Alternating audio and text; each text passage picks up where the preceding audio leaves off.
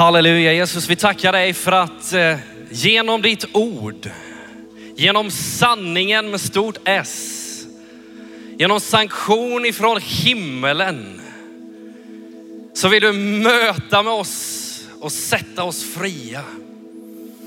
Herre, jag bara välsignar. Jag välsignar det verk som du hade satt igång, orkestrerat, förberett. Långt innan vi bestämde oss för att ta oss till den här platsen. Jag bara välsigna det skeende som är i den här lokalen just nu. Det som händer där på andra sidan kamerorna. I hem. Där vi öppnar våra hjärtan, där vi hänger oss åt dig. Där vi förbereder våra hjärtan för att ditt ord ska få träffa oss. Och din sanning sätter oss fria. Herre, jag välsignar dig. Och jag välsignar ditt verk. I Jesu namn. I Jesu namn. Amen. Amen. Halleluja. Woo!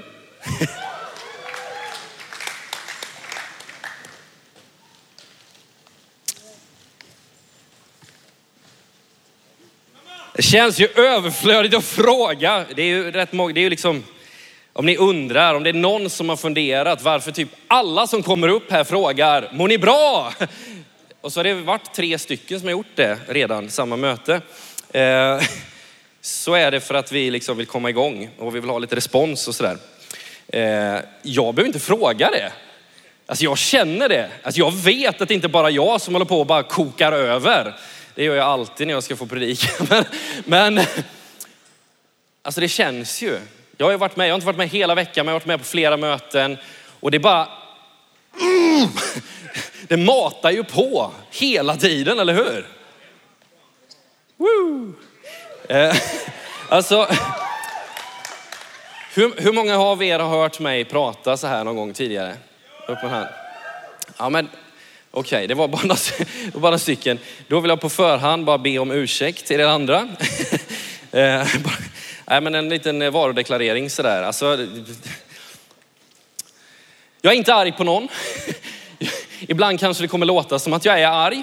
Eh, jag är inte det, eh, ja, ibland är jag det. Men, men alltså jag, jag är egentligen inte, jag är inte ute efter någon. Jag, jag kommer inte plötsligt bara springa ner och, och hugga någon sådär. Jag, men, men, men det, det kanske verkar så. Jag kommer bli glad. Jag kommer bli väldigt glad ibland. Och, och eh, det bara är så. Va? När jag får tala Guds ord, jag brukar säga det, jag, minst 70 procent, jag har räknat ut, nej jag är väldigt dålig på matte egentligen, men jag, jag, nå, någonstans mer än 50 procent i alla fall så brukar det, brukar det gå som en bumerang ut så här och så in här. Och då, med, med, tiden så blir jag bara mer och mer lycklig. Och eh, jag ska göra mitt bästa för att, att stå still här. Eh, så att vi, vi, tar oss igenom det som jag upplever Gud har takt, lagt på mitt hjärta. Men, men, men, det är en stor scen här, det tycker jag är bra. För ingen risk att jag kommer ramla ner, men om ni känner att nu är han nog ändå på väg ut till mig så bara hugg tag i någon och säg det här kommer gå bra. För halleluja. Jag är, jag är, så tacksam att eh, den Gud som vi tror på, den Gud som så många av oss här har fått möta, han är inte en Gud som bara ser ner på oss och som liksom registrerar det som händer, utan han är en Gud som ser, han är en Gud som känner. Men inte bara känner, han liksom låter inte det bara ytligt beröra honom, utan han låter det drabba honom. Och det som, det som drabbar honom, det gör att han agerar. Jag bara älskar det att vi har en Gud som agerar. Och inte på det sättet som, som kanske jag hade gjort om, om jag hade varit Gud. Eh, alltså jag, jag menar, hur svårt kan det ha varit? Där är Edens lustgård. Jag menar hur många, jag vet inte, jag som så är dålig på matte men jag kan föreställa mig att det var rätt många träd i Edens lustgård. Ni får äta av alla träd utom det här. Alltså hur svårt kan det vara? Det är ett träd och det trädet ska vi vara och pilla på ibland. Alltså jag vet inte hur det är med er, men alltså jag blir upprörd när jag läser Bibeln ibland. Det här är ett sånt, det är liksom...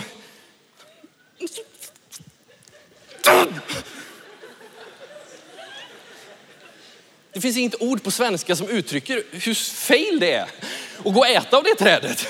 Men det gör vi. Det liksom tycker vi var en bra idé. Och hela världen faller i synd. Det som var Guds liksom, tanke, den vackra skapelsen som, som han hade gjort. Vi levde liksom i fullständig gemenskap med Gud. Den bara sabbar vi. Sådär. Hade jag varit Gud, och nu är, ska vi vara väldigt tacksamma allihop här att jag inte är det. För hade jag varit Gud, då hade jag tagit den här planeten och så hade jag mosat den. Och så hade jag börjat om. Och liksom, skyll dig själv. Ja, uppenbarligen så är inte Guds kärlek fullkomnade mig. Men, men det gör inte den Gud som vi tror på. Det är liksom ofattbart. Det, här, det är liksom redan där på Bibelns första sidor så uppenbarar sig en kärlek som är bortanför vår fattningsförmåga. Vi ger Gud fingret, vi vänder honom ryggen. Det är, liksom, det är en grej vi inte ska göra och där bara, ja, glöm det. Och där visar Gud sin kärlek till oss direkt. Genom att han bara sätter igång att, att, att försöka rädda, att försöka upprätta, att få kontakt igen, att ordna det som vi screwed up. Jag älskar det. Eh, jag är så glad. Jag tror att min, min dotter eh, fortfarande sitter kvar. Hon har somnat. Halleluja. Hon är också min, en av mina största förebedjare och supporters. Annars hon har låtit här nu. Eh, vi, vi har en favoritlek. Kanske en, en lek som alla barn tycker är väldigt kul. Hon är snart fyra år. Vi leker kurragömma i stort sett varje dag eh, jag är inte helt säker på att hon helt har liksom förstått grejen med kurragömma. Eh, det börjar liksom komma nu, men, men det går ungefär till likadant varje gång. Först ska jag gömma mig. Och sen så när hon har hittat mig, jag får ju hjälpa till lite sådär, va? men hon har hittat mig, då ska hon gömma sig. hon gömmer sig alltid på samma ställe som jag precis har gömt mig på. Ofta innan jag ens har hunnit gå iväg och räkna. Och sen så ska jag liksom gå runt och låtsas att jag inte vet var hon är. Ja, Isabella, var är du någonstans? Och, och, och hon blir lika exalterad varje gång jag hittar henne. Alltså det är precis det som händer här. Helt i början. Jag vet inte om du har reflekterat över det. Jag tycker det är helt absurt. Men det är också här som Guds kärlek visar sig så otroligt. Men att tänka, menar, hur detta måste ha provocerat Guds hjärta. Hur det måste ha sårat honom. Synden, människan, vi som är skapade till hans avbild vänder honom ryggen. Bär. Jag föreställer mig detta. Världshistoriens första kurragömmalek. För det är ju det som händer. Det står ju att, det står att Adam och Eva gömde sig i en buske. Och så står det att Gud letade efter dem. Alltså jag menar hur absurt får det bli? Vi pratar ju om universums skapare och alltings herre. Det var inte så att han inte visste var de var någonstans. Alltså jag, jag föreställer mig precis den här situationen. Där går han runt i Edens lustgård liksom och liksom lite så här kisar med ögonen. Adam, var är du någonstans? Adam. Inte för att han inte vet vad Adam är. Men för att han vill att vi ska välja honom. Därför att han längtar efter att vi ska förstå att Gud är inte en Gud som är arg på oss. Gud är inte en Gud som är vred. Han låter det ta tid. Så att Adam och Eva till sist liksom där i busken piper fram. Här är vi. Det blev fel alltihop. Redan där visar Gud sin kärlek till oss. Och du vet när det här drabbar oss, när det här får möta oss, när det kommer. För jag menar, jag, jag tror att många av er som sitter här, ni har upplevt just detta någon gång. Eller så har du inte det och då är du på alldeles rätt plats ikväll. Att Gud väntar ut dig. Att du liksom konfronteras med, det blev fel. Alltihop blev fel. Och ändå så, så landar det där Gud är inte ute efter mig. Det bästa jag kan göra är att säga, här är jag. Gud, här är jag. Det blev fel. Och så får vi möta den där kärleken. Den där rena, fullständigt ofattbara, obeskrivliga kärleken. Som går bortom för vad vi någonsin med vårt förstånd kan omfamna. Men som vi med vårt hjärta kan få ta emot och uppleva. Total förvandling, det är det ljuvaste. Det är det vackraste. Det är det mest fantastiska som vi kan få uppleva här på den här planeten. Men om det var enda syftet med att vi skulle exponeras för Guds kärlek, att du och jag skulle liksom vandra omkring i en romantisk bubbla och fnittra hela dagarna. Då hade du och jag redan varit i himlen idag. Gud tillåter oss sådana tillfällen. Gud möter oss på det sättet och det är underbart de gångerna som det sker. Och ibland så sker det igen och igen och igen och igen och igen och kanske en del av er har fått uppleva det under den här konferensen så långt. Guds kärlek bara väller över dig och du liksom bara går runt så här och han älskar mig. Och det är underbart. Men vet du Gud, han kom inte och, och, och ville förvandla ditt liv och fylla dig med sin kärlek bara för att du skulle få komma till himlen en dag. Nej, han kom och exponerade dig för sin kärlek, ville fylla dig med sin kärlek för att du skulle plocka ner himlen på jorden för fler. Vi har ett uppdrag, det är därför som vi är kvar här på den här planeten. Det är enda orsaken till att du och jag är kvar här. Vet du att jag längtar till himlen? Jag längtar till himlen något så fruktansvärt. Ibland så längtar jag så mycket så jag bara gråter och inför Gud, jag bara ber att jag skulle få komma hem. Ni får förlåta, jag kan inte, jag kan inte prata om himlen utan att nästan vara där. Det kommer bli helt underbart. Men så länge du och jag är kvar på den här planeten så har vi ett uppdrag. Och jag älskar det med. Därför det är det som händer när Guds kärlek får drabba dig och mig på allvar, när det får ta tag i vårt hjärta, när vi får förstå hur stor Guds kärlek är till dig och mig då börjar det hända saker med oss. Då börjar vi rikta blicken ut ifrån oss själva och ut över den här världen. Mm.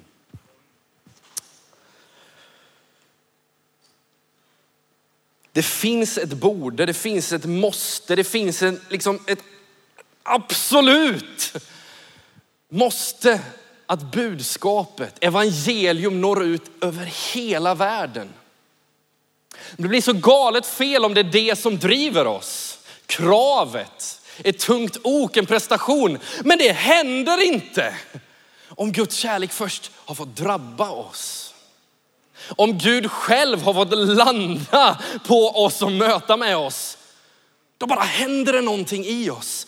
I Apostlagärningarna 1 och 8 så står det, men när den helige ande kommer över er ska ni få kraft och bli mina vittnen i Jerusalem och i hela Judeen, i Samarien och ända till jordens yttersta gräns. Och du som har läst lite i Bibeln vet att bara några verser längre fram i nästa kapitel så står det, Apostlagärningarna 2 och 3, tungor som av eld visade sig för dem och fördelade sig och satte sig på var och en av dem. Halleluja. En del av er ser lite förfärade ut nu. Eh, ska han vara så här intensiv hela tiden? Eh, ska han bara gå på så här hela tiden? Halleluja, fråga min fru. Eh, alltså jag älskar att det står så, allihopa. Ah, allihopa! Den heliga ande kom och landade på allihopa. Tänk om det hade varit en lista där som hade liksom börjat och räkna upp namn på de som var med.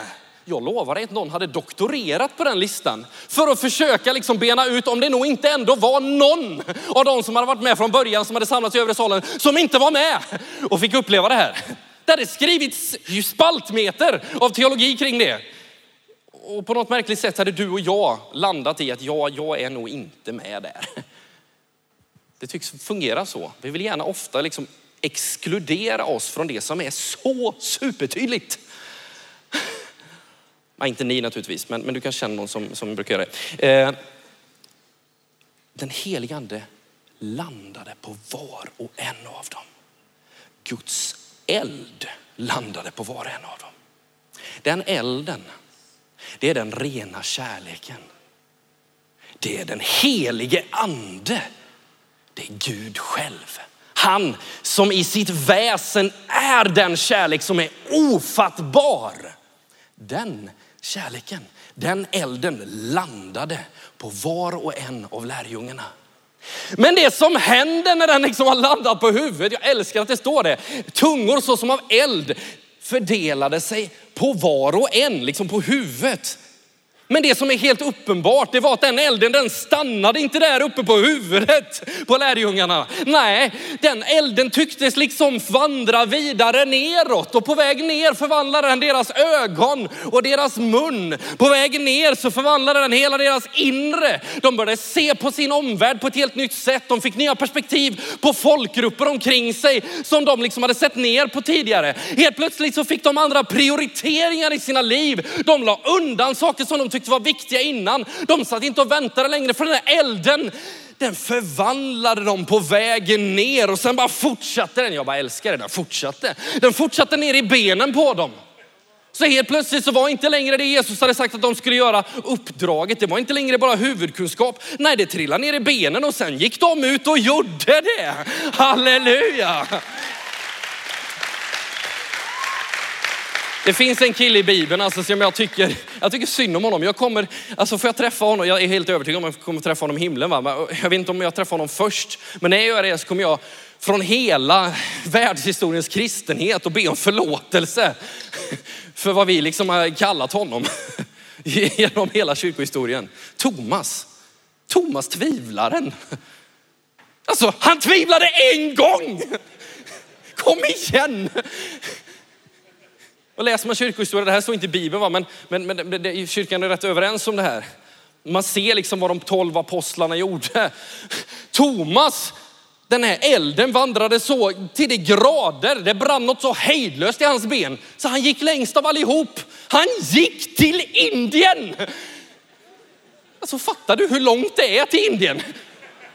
Det är väldigt långt. Jag vet inte hur långt det är, men det är väldigt, det är väldigt långt. Det tar lång tid att flyga till Indien. Han gick till Indien. Då brinner det i benen. Då brinner det i hjärtat. Och det var liksom inga ekosandaler han hade på sig heller. Alltså hela, den där, hela det här bibelordet om att Jesus tvättade de här killarnas fötter får ju liksom ett helt nytt perspektiv när man fattar vad de hade för pjux. Det är liksom groteskt. Han gick till Indien. Det blev fart på dem. Det bara förändrade allting. Guds eld, Guds rena kärlek. Paulus beskriver i andra Korinthierbrevet 15, 5 och 14 hur Kristi kärlek driver mig. I andra Korinthierbrevet 11 och 2 så säger han så här, ni står väl ut med lite dårskap. Ni står väl ut med att jag freakar ut lite här, säger han till korinterna. Jag får väl säga detsamma. Eh, för jag brinner, jag brinner med den iver som kommer av den eld som Gud ger. Han säger det. Jag säger det. Det brann i honom. Guds kärlek, när den får drabba dig och mig, när den får, när den får landa på oss, när den får liksom drypa ner, när den får rinna ner, när den får fylla vårt hjärta, den blir som en motor på insidan. Jag älskar att det står driver. I någon översättning så står det tvingar. Det känns ju lite jobbigare. Men faktum är att det är, liksom inget, det är inget jobbigt, det är inget, det är inget tvång som gör att det känns kravfullt. Nej, det är någonting som gör att man bara wow, här är jag på väg. Och jag bara älskar det. För det är kärlek som driver mig. Jag vill det. Och jag liksom bara följer med. Det är en motor, det driver mig. Guds kärlek driver mig, säger Paulus. Inga måsten, inga krav. Men kärleken förändrar vad jag vill. Den ger mig mål. Den ger mig mening. När jag först förstod att en tredjedel av världens befolkning faktiskt aldrig någonsin har fått möjligheten att ta emot den kärleken. När jag, när jag begrep att det finns, alltså det finns platser på den här planeten med miljontals med människor som ingen någonsin genom hela historien ens har försökt att gå till för att predika om Jesus. Ja, då tänkte jag, alltså alla kristna i 2000 år haft underkänt geografi. Nej, jag tänkte inte det. Jag tyckte det lät kul. Men, men det är ju inte så va? Men det är ju skamligt. Det är ju inte klokt. 2000 år har vi haft på oss.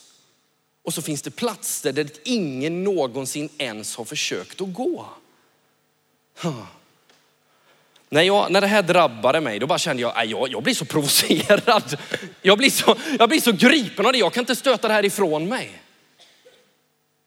jag måste göra något med det här. Jag lovar dig, det var liksom inte bara jag som kom på att det, var, det här verkar vara en bra idé och försöker göra något åt det. Det är en idiotisk idé. Alltså, det är en helt galen idé, fullständigt omöjligt. Mission är aldrig en, en, en liksom, det här är mycket bättre på engelska än på svenska. Men ni får, it's not a good idea. It's a God idea. Det är bara en bokstavsskillnad, men det är en väldig skillnad. Gud vill nå hela världen så till de grader att han ser till att det kommer att ske. Jag vet inte varför han gjorde sig det omaket att gå via oss. Det är ju, ibland kan jag bli trött på det. Jag känner så här, ja men, ja återigen, det är ju tur att inte jag är Gud. Eh.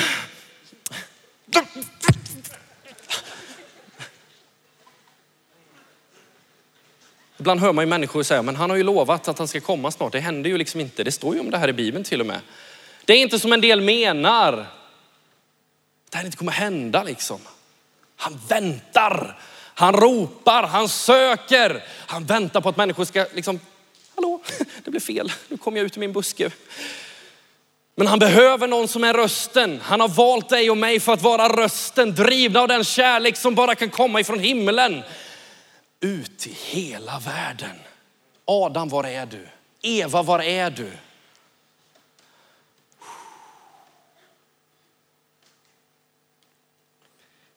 När det här grep mig på allvar, då började jag be Gud om ett land. För jag insåg, okej, okay, vi har missat hur många platser som helst. Gud, ge mig ett land. Gud, ge mig ett land. För jag hade hört berättelser om folk som hade åkt, åkt ut i mission.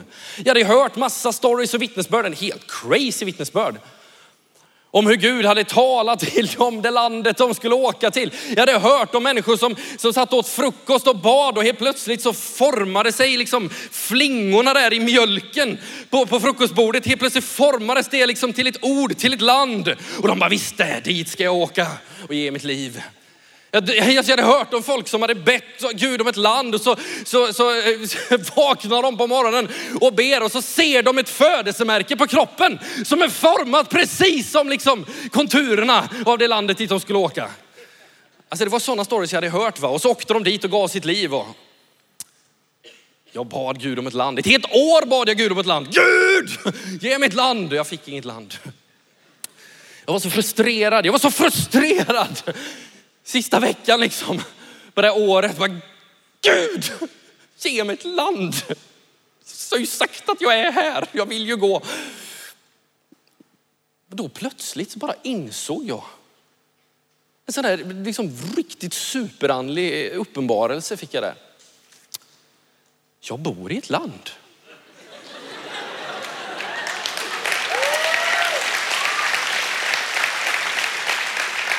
Jag bor i ett land, halleluja. Sverige är ett land, en del av den här planeten. Gud sa gå ut i hela världen. Jag börjar här. Jag börjar nu. Jag behöver inte vänta. Halleluja. Det var Gud som, alltså, det var inte jätteandligt va, men jag tror ändå att det var Gud som bara la det på plats. Därför att jag hade börjat, jag hade börjat drömma, alltså, Gud hade börjat tala till mig. Om att jag skulle ut i hela världen, att jag skulle ut till de onådda folkgrupperna. Och jag bara, hur ska det gå till? Jag såg ingen vad hade jag för kvalifikationer? Vad ska... Men så insåg jag, om jag, om jag om jag älskar människor där ute utan att veta någonting om dem, med den kärlek som bara Gud kan ge, då älskar jag människor här också. Då vill jag nå människor här nära. Då spelar det ingen roll vart jag råkar vara. Då kan, jag, då kan jag, jag behöver inte vänta på att Gud liksom bara prutsigt börjar transportera mig i anden till, till den andra sidan jorden. Jag kan bara dela Jesus med människor som aldrig har hört. Halleluja. För det är aldrig antingen eller. Och samtidigt, och jag tror att det här är ett ord till några stycken här, får vi aldrig gömma oss bakom att vi bor i ett land där vi kan dela Jesus med människor som inte har hört. När det finns en tredjedel av jordens befolkning som ingen någonsin har gått till. Uppdraget att nå hela världen är given till hela Kristi kropp. Given till församlingen, given till dig och mig. Och jag tror och jag ber att här ikväll så skulle Guds eld få komma och landa på oss var och en. Så att det börjar brinna så det är alldeles otroligt att du plötsligt tror att det är du som ska göra det. För vet du, Gud tror det. Woo! Gud tror det. Och det spelar ingen roll, jag är så tacksam för det. Det är så skönt att det är så. Det spelar ingen roll om du tror på det eller inte. Det är så i alla fall. Det är det som är så skönt, jag älskar det. Det, det. det, är fantastiskt roligt att åka ut till platser där alla säger så här, det är helt omöjligt där. Det går inte där. De är helt galna där. Det är sånt motstånd där. Det går inte där. Och så hör han röst på insidan som säger, allt är möjligt. För mig är allting möjligt. För mig är allting möjligt. Han låter ju inte så som en på, eller liksom, vad heter det, papegoja. Men, men alltså, bara på repeat, va? tills du bara, ah, jag tror på det. Nu kör vi. Jag ska bara, bara en liten insight så här. Jag har läst slutet på boken. Jag, jag, vet att det kommer att lyckas. Jag vet att en dag så kommer du och jag stå inför tronen tillsammans med honom. Och där kommer hela världen vara representerad. Alla stammar, alla folk och språk. Så att gå ut och göra det som folk säger är omöjligt när hjärtat säger det är möjligt. Jag läser slutet på boken. Det är ju hur roligt som helst. Vet att man kommer lyckas redan innan man har åkt. Nu är det någon som ser orolig ut att det ska ramla ner. Men...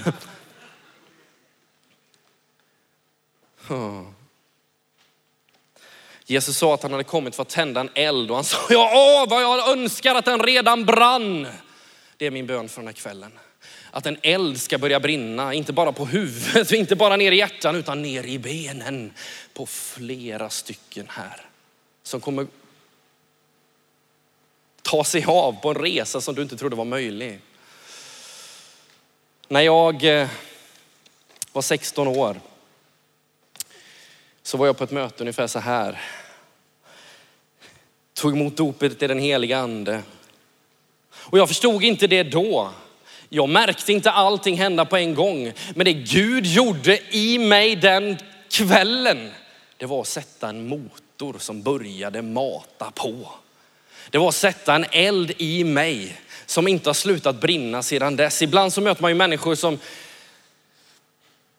välmenande liksom säger när man är ung och man, man är på och man dansar mest av alla och hoppar högst av alla och skriker halleluja och delar Jesus med allt som andas. Ja, det är härligt att du är ung och brinner. Men det går över vet du.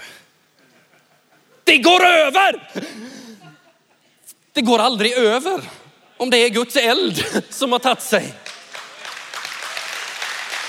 Det blir bara värre och värre. Och blir det inte det så är det något som är fundamentalt fel. När jag blev tillfrågad att hålla den här predikan så fick jag direkt ett ord. Jag har liksom brottats och jag bara undrat var passar det här ordet in? Var ska det in? Här ska det in. Nu landade det. Jag fick ett ord ifrån Gud. Jag bara, vad är det här? Vad betyder det? Vad betyder det? Vad kallar man en eld som inte brinner? Vad kallar man en eld som inte brinner? Jag vet inte vad man kallar sån eld. Men det är fel på den elden.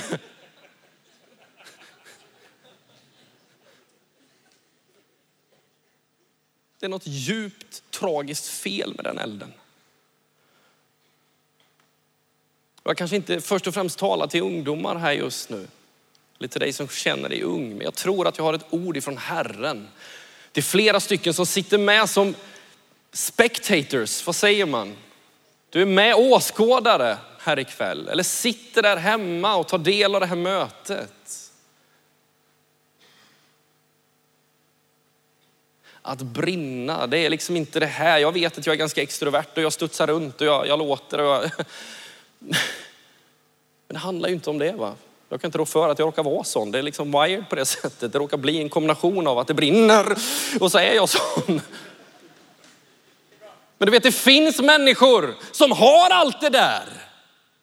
Och det låter mycket och det brinner inte.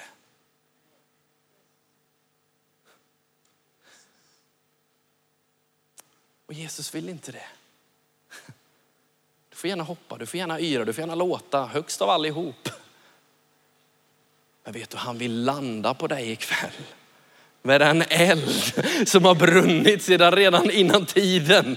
Liksom få ett begrepp för oss. Den eld som har brunnit i Guds faders hjärta. Där vill han landa med dig, landa på, på dig med här ikväll.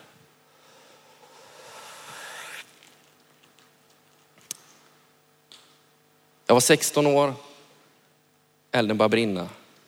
Utan att jag visste det så började det påverka mina val. Ganska snart på gymnasiet insåg jag, Gud menar nog mig när jag läste i Bibeln. Gud menar mig! Det gick några år. När jag var 18 år, 19 kanske, så stod jag på mitt pojkrum. Jag kommer ihåg att jag stod så här. Fader, jag tackar dig. För att genom dessa händer ska det gå miljontals med kronor. För mission i andra länder. Alltså nu måste du förstå hur absurt det här var.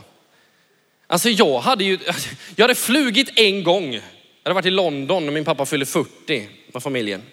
Vi hade åkt båt till Danmark och så hade jag klättrat över stängslet in till Norge när vi var fjällvandrare en gång så jag skulle kunna säga det till mina kompisar att jag hade varit i Norge också. Alltså det var min erfarenhet av världen. Jag hade ingen erfarenhet av mission. Och jag ber den här bönen. Vet du det mest absurda är? Jag trodde på det. Jag är helt övertygad om att det skulle hända. För det brann i mig. Några år senare, eller bara något år senare så läser jag Bibeln och bara boom! Så uppfattar jag det som att du, måste, du ska ut i världen, du ska ut till de onådda folkgrupperna, du ska göra det här nu, det här, det, du, du måste göra det här. Och jag bara liksom tittar, så jag har inga öppningar, jag har inga, liksom, vad har jag för kvalifikationer? Det är ingen som vill sända ut mig, vad ska jag, hur ska jag? Men jag trodde på det, för det brann i mig.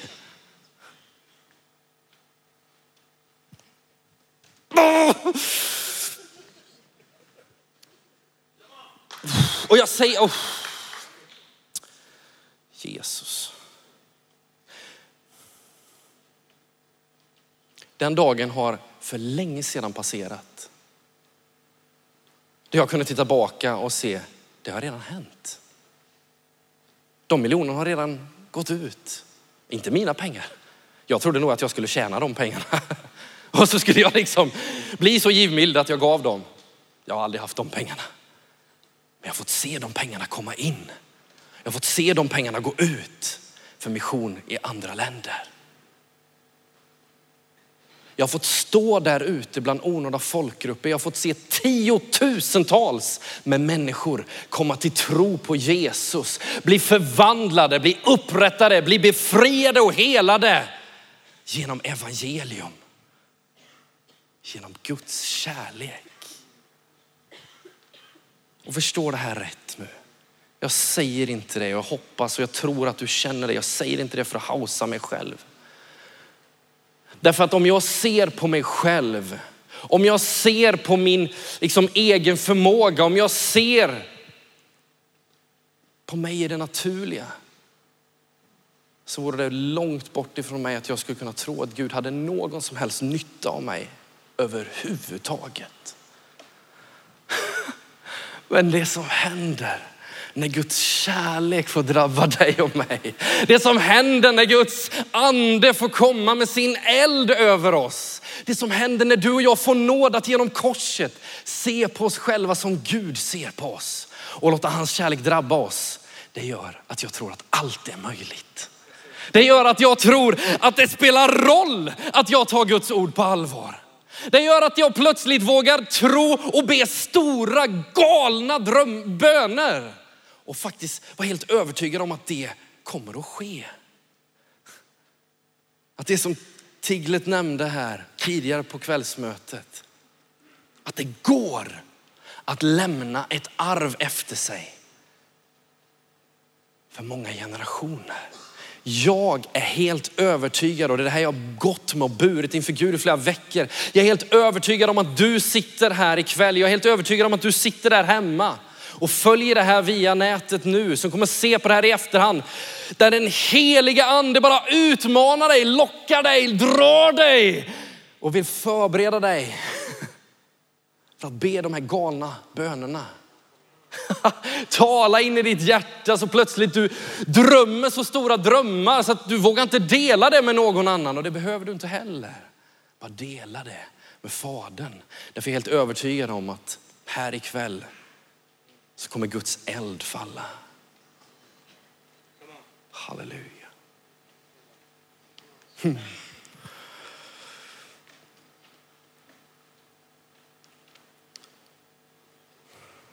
Jag vet att jag har hållit på ett tag här, men jag vill säga en sak till. Och jag...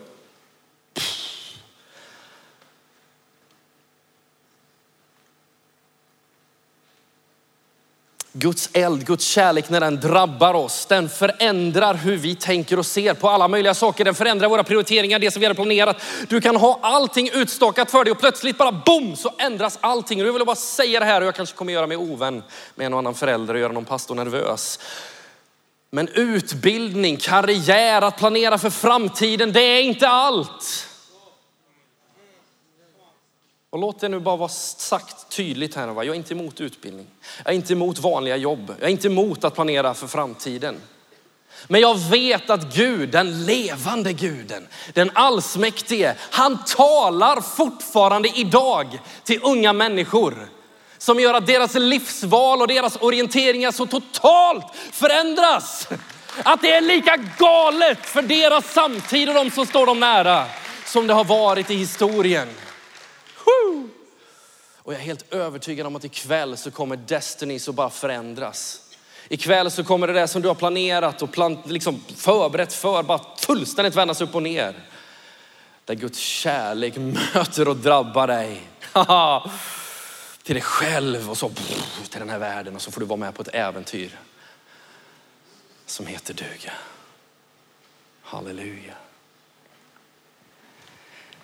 Lovsångsteamet gör sig redo att få komma upp här så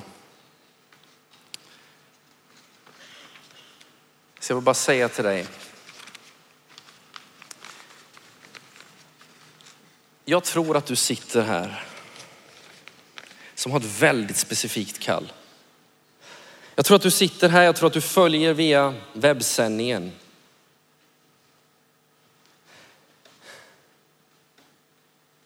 Som blir träffad av det här ordet. Om en eld som inte brinner. Jag vill bara börja med det. Ikväll så kan du bara få lägga ner allt. Allt. Och så börjar vi om. Jag älskar, jag älskar att det är så. Varje gång. Det är den Gud vi tror på. Vi börjar om. Och så blir det helt nytt. Så blir det som det aldrig blev fel. Du behöver aldrig tänka på det. Jag är helt övertygad om att du finns här ikväll som har ett kall som har blivit kvävt. Av andra. Med förnuftets blöta filtar. Men ikväll så kan det där få väckas till liv igen. Ikväll så kan Guds eld få tag på dig och det bara, så är det borta. Och så får du bara springa med det kall som Gud har för dig. Och så är du här som själv har gjort val. Som själv har trasslat till det, som har kvävt den här elden. Jag är så glad att det står i min bibel att en tynande veke, den bara stampar Gud på. Nej, det står inte så. Förlåt. Han släcker inte den. Om det så är att du känner nu brinner det så lite, nu är det nästan som att det inte fanns någonting alls. där vill Gud andas. Där vill Gud andas liv. Där vill han vill komma med eld igen. Han vill tända på. Han vill inte bara ge dig och låta dig känna så här, här går jag runt med. Det blev ju fel så jag får väl nöja mig med det här lilla stearinljuset. Nej, han vill låta det brinna. Han vill låta brinna något så våldsamt så det tar sig sådär lite väl bra. Jag vet inte om du har luntat någon gång. Nej, du behöver inte räcka upp handen, du behöver inte bekänna det. Eh, jag har gjort det. Jag har gjort det en gång. Jag har gjort det, jag har gjort det många gånger när jag var liten. Eh, men jag gjorde det en gång när det tog sig sådär våldsamt bra. Sådär bra så att jag höll på att bränna ner ett hus. Det var inte kul. Men jag tänker att det är så Gud vill att det ska bara brinna i dig och mig. sådär lite väl bra. Sådär lite totalt out of control. Sådär till den grad där du känner så här, jag styr inte över det här längre. Jag bara älskar det här. Det är helt wild. Jag tror att det här, de här galna grejerna som står om i, i Markus 16, att vi ska ut i hela världen och prika evangeliet, vi ska ta ormar, vi ska liksom tala i nya tungor, vi ska uppväcka döda, vi ska bota sjuka. Alla de här grejerna, det verkar fullständigt naturligt. Och liksom sane, det verkar ju liksom doable. Därför att Guds eld har tagit sig. Ska vi ställa oss upp tillsammans?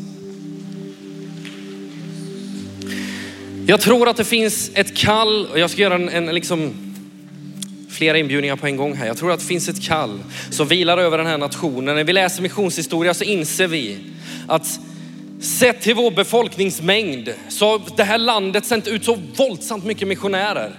Men det var då. I proportion till, till vår befolkning. Det var då. Man kan läsa böcker om det här. Men var är de idag? Var finns de i det här rummet, i vår generation? Som inte bara går fram på förbön och får en härlig upplevelse, som drabbas av Guds kärlek för sig själv, utan verkligen låter kärleken vandra vidare ner. Drabba dem. Jag vet att flera stycken av er, ni har varit framme på förbön. Ni har redan gett, ni har sagt Gud, här är jag, sänd mig. Men tänk om ikväll skulle få bli den här kvällen då du liksom inte bara säger okej okay, Gud, här är jag, sänd mig då. Utan du bara lät elden så drabba dig så att du förändrade prioriteringarna. Du tog ut riktning, du började gå, du började göra det.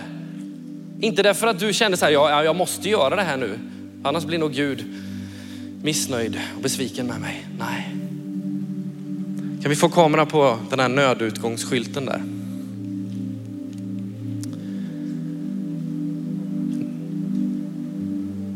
Varje gång jag ser den, jag vet att idag så har vi pratat om nöd, att känna nöd för, för andra människor. Varje gång jag ser den här skylten så bara hugger det tag i mig. Den här skylten, den, liksom, den säger ju, det brinner inne. Då ska vi ta oss ut. Rädda oss själva. Va? Nu vill jag bara ge den skylten en helt ny innebörd. Låta den heliga ande inprinta detta så du aldrig kommer glömma det. Varje gång du ser en sån skylt så kommer du bli påmind. Den heliga ande kommer kittla dig. Visst brinner det här inne. Det brinner något alldeles våldsamt här inne. Men nöden den finns inte på insidan. Den finns inte inne i byggnaden. Nej, nöden finns där ute i världen bland de som ännu inte har fått tag på Jesus. Vi springer inte ut därför att vi är rädda för elden. Vi springer ut därför att elden, den driver oss ut. För att nöden där ute kan inte avhjälpas genom något annat än att du och jag tar elden till dem som ännu inte har fått möta Guds kärlek. Jag tror att om du andas, om du lever och tror på Jesus här inne, så ska du komma fram ikväll och låta Guds eld landa på dig. Låta elden så totalt genomsyra dig och sätta dig iväg i det uppdrag, i den bana som Gud har gett dig. För jag är helt övertygad om att här inne så har vi unga människor som kommer få uppleva den dagen då Jesus kommer tillbaka därför att uppdraget är slutfört. Halleluja.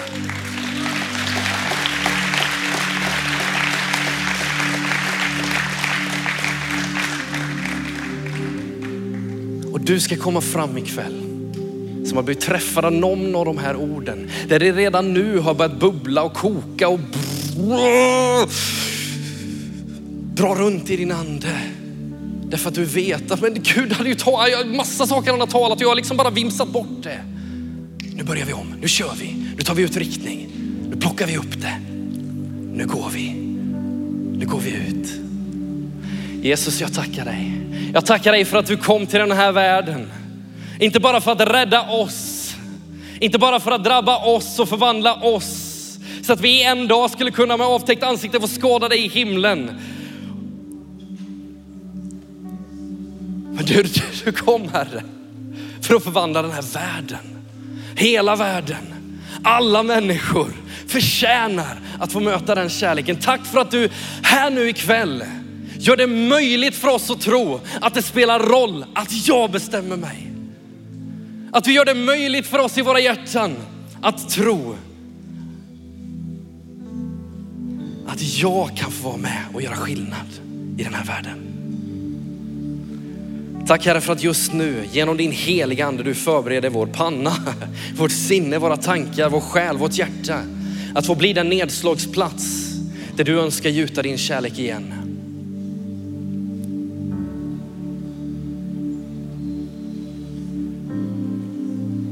Herre, jag ber att det inte kan bli sagt om någon.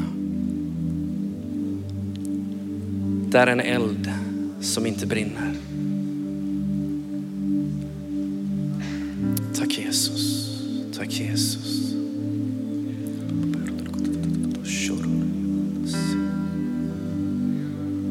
Lovsångarna de är redo.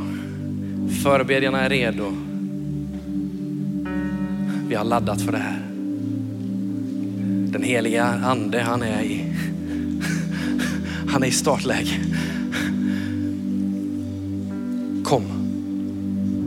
Kom du som hungrar. Kom du som törstar. Fler utav er, ni är döpta i den heliga ande, du talar i tungor, men kom. Låt elden få ta tag i dig. Låt elden drabba dig. Om du aldrig har fått uppleva det, om du aldrig har fått uppleva andens dop, att få möta Jesus, att få Gud presentera i egen hög person genom att han landar på dig, omvälver dig, döper dig med sin egen närvaro, med sin rena kärlek. Kom. Och du behöver inte vänta.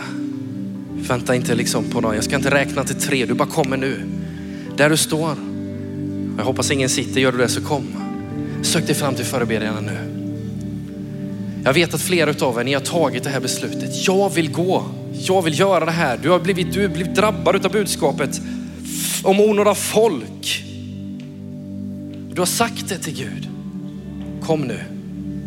Låt inte det bara vara huvudkunskap. Jag vet att flera stycken, jag har hört det, jag har pratat med flera unga. Jag har hört folk som har varit hemma och lyssnat och de har sagt så här, nu förstår jag att detta är någonting jag borde göra. Men vet du, det går inte att göra det för att vi har förstått det. Men det blir fullt möjligt när den helige ande får plocka det som är kunskap här, ner hit, brygga och röra runt och så landar det i benen. Då blir det möjligt. Då kan du få förvandla den här världen. Du kan få börja se det runt omkring dig i din klass. Du behöver inte vänta tills du är där borta. Jag var 16 år och det började hända någonting. Jag fattar inte det nu. Jag fyller 34 i år. En del saker som jag delar här, jag menar, det är många år som har gått. Va? Jag har inte sett allting på en gång, men jag vet att det börjar när du säger ja, när du ger dig till det som har varit ditt syfte, ditt öde, ditt kall och det, orsaken till att du är kvar på den här planeten. Woo.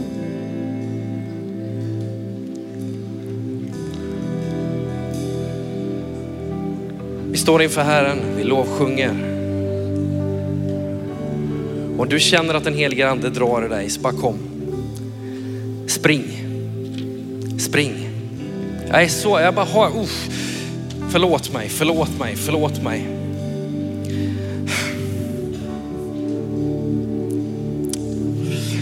Ah, det finns, det finns flera stycken, du är redan igång. Du är redan igång. Du är redan i tjänst. Men vet vad jag har fått upptäcka? Vet vad jag har fått uppleva? Det finns hela tiden mer. Det tar aldrig slut. Gud han talar inte en gång och så är det det du löper med hela ditt liv. Han talar hela tiden. Och du känner så här, nu har jag nog nästan sett så mycket som Gud kan göra genom mig. Älskade bror och syster, du har bara skrapat på ytan. För det som är Guds möjlighet i ditt liv. Tillåt den helige ande att tränga igenom, utmana dig och tala till dig ikväll. Amen.